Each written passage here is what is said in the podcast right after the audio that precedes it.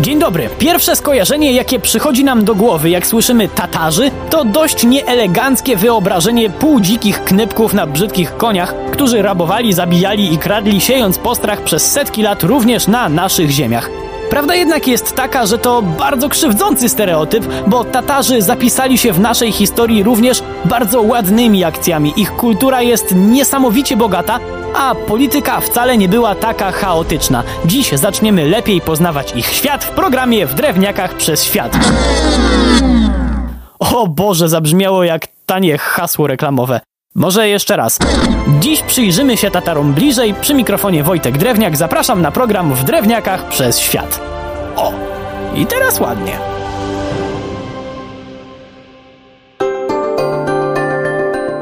Kiedy po rozłamie Złotej Ordy od czarnomorskich stepów aż po dzisiejszą Gruzję rozciągnęło się nowe państwo, czy żeby być dokładnym Hanat Krymski, to nasi władcy szybko zrozumieli, że bardzo szybko przyjdzie im się z owym państwem zmierzyć albo sprzymierzyć.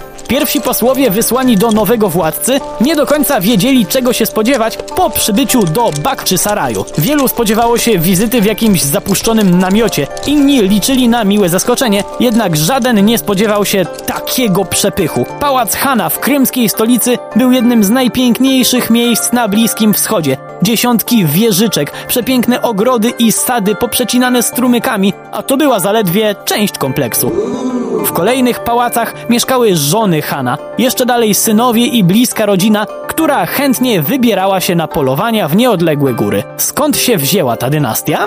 Girejowie, czyli rodzina, z której wywodzili się Hanowie krymscy, uważali, że wywodzą się w prostej linii od Batu Hana, czyli od jednego z wnuków Chingis Hana. Czy to ważne? Dość mocno, bo to była nie tylko poważna legitymizacja władzy, ale czyniła z Hana bardzo bliską rodzinę sułtanów, którzy swoją linię wyprowadzali bezpośrednio od wielkiego Chingisa. Jak bliskie były relacje Hana Krymskiego z sułtanem? Na tyle bliskie, że kiedy ten drugi ogłaszał wyprawę wojenną, to Han nigdy nie był wzywany rozkazem jak jakiś sługa. Han Krymski był zapraszany jako, i tu cytat, asysta dla wiary islamu. Brzmi to trochę jakby Han w sumie podlegał sułtanowi, ale tak na serio to miał pełną autonomię i mógł robić co chciał, prawda? No nie do końca, bo nawet na własnym podwórku nie mógł wbrew stereotypowi robić za dużo bez zgody szlachty.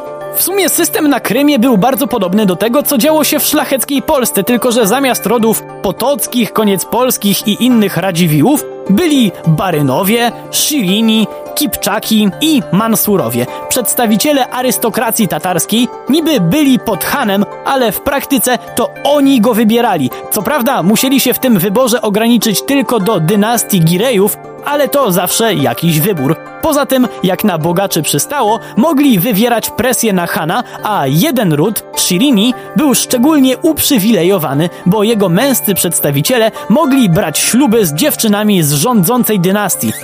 To jednak nie wszystko bo najważniejsi reprezentanci elity tworzyli krąg pięciu albo sześciu bejów, którzy niby byli jedynie najważniejszymi doradcami Hana, ale w praktyce często grozili mu pozbawieniem życia, jak ich nie posłucha, albo zwolnieniem z roboty, do czego mieli prawo.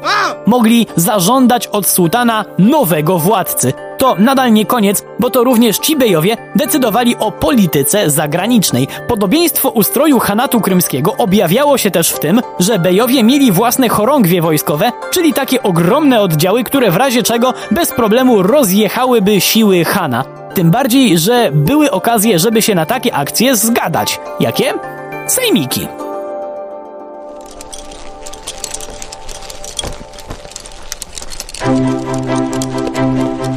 Powiedziałbym, że znowu sytuacja jak u nas, ale nie do końca, bo tam szlacheckie rody wcale nie potrzebowały wezwania władcy. Mogły same sobie zwoływać sejmiki i nieraz te sejmiki potrafiły się zamienić w otwarty bunt przeciwko władcy. Brzmi to wszystko jak jeden wielki kipisz i nie ma czego zazdrościć Hanowi, prawda? w zasadzie prawda, przy czym do prawdy niesamowite jest w tym wszystkim to, że w całym chaosie własne interesy nie przesłoniły Tatarom ogólnych założeń polityki zagranicznej. Ktoś, kto zerknie niefachowym okiem na mapę z rozrysowanymi najazdami Tatarów krymskich, zaraz rzuci: Panie, jakie plany polityki zagranicznej, jak tutaj raz w sojuszu z Moskwą atakowali Polskę, a później rzucali się na Ruś, jakby zapomnieli o sojuszu. Gdzie tu logika? Otóż priorytetem Tatarów było kontrolowanie ukraińskich stepów i Rusi. Problem polegał jednak na tym, że trzeba się było mierzyć zarówno z nami, jak i z Moskwą. Zamiast wiązać się trwałym sojuszem, Tatarzy, mając jeszcze z tyłu głowy zależność od sułtana, postawili więc na politykę równowagi, czyli raz z tymi, a raz z tymi, żeby ani Polacy, ani Moskale im zbyt mocno nie zagrażali. I to nie tak, że była to wielka tajemnica, zarówno jedni, jak i drudzy z polityki korzystali. Najlepszy przykład? Stefan Batory, który wysłał swojego posła do Hana pod koniec lat 70. XVI wieku, żeby nie tyle wynegocjować zaprzestanie najazdów tatarskich, a żeby je przekierować. Oczywiście na Rosjan. Tak długo jak coś było w interesie Tatarów, to chętnie przystępowali do nowych sojuszy, gdzie odgrywali całkiem istotną rolę, bo wojownikami byli niesamowitymi. Jednak o tym, jak i czym walczyli Tatarzy krymscy, opowiem już w naszym kolejnym spotkaniu. Przy mikrofonie był Wojtek Drewniak. Do usłyszenia.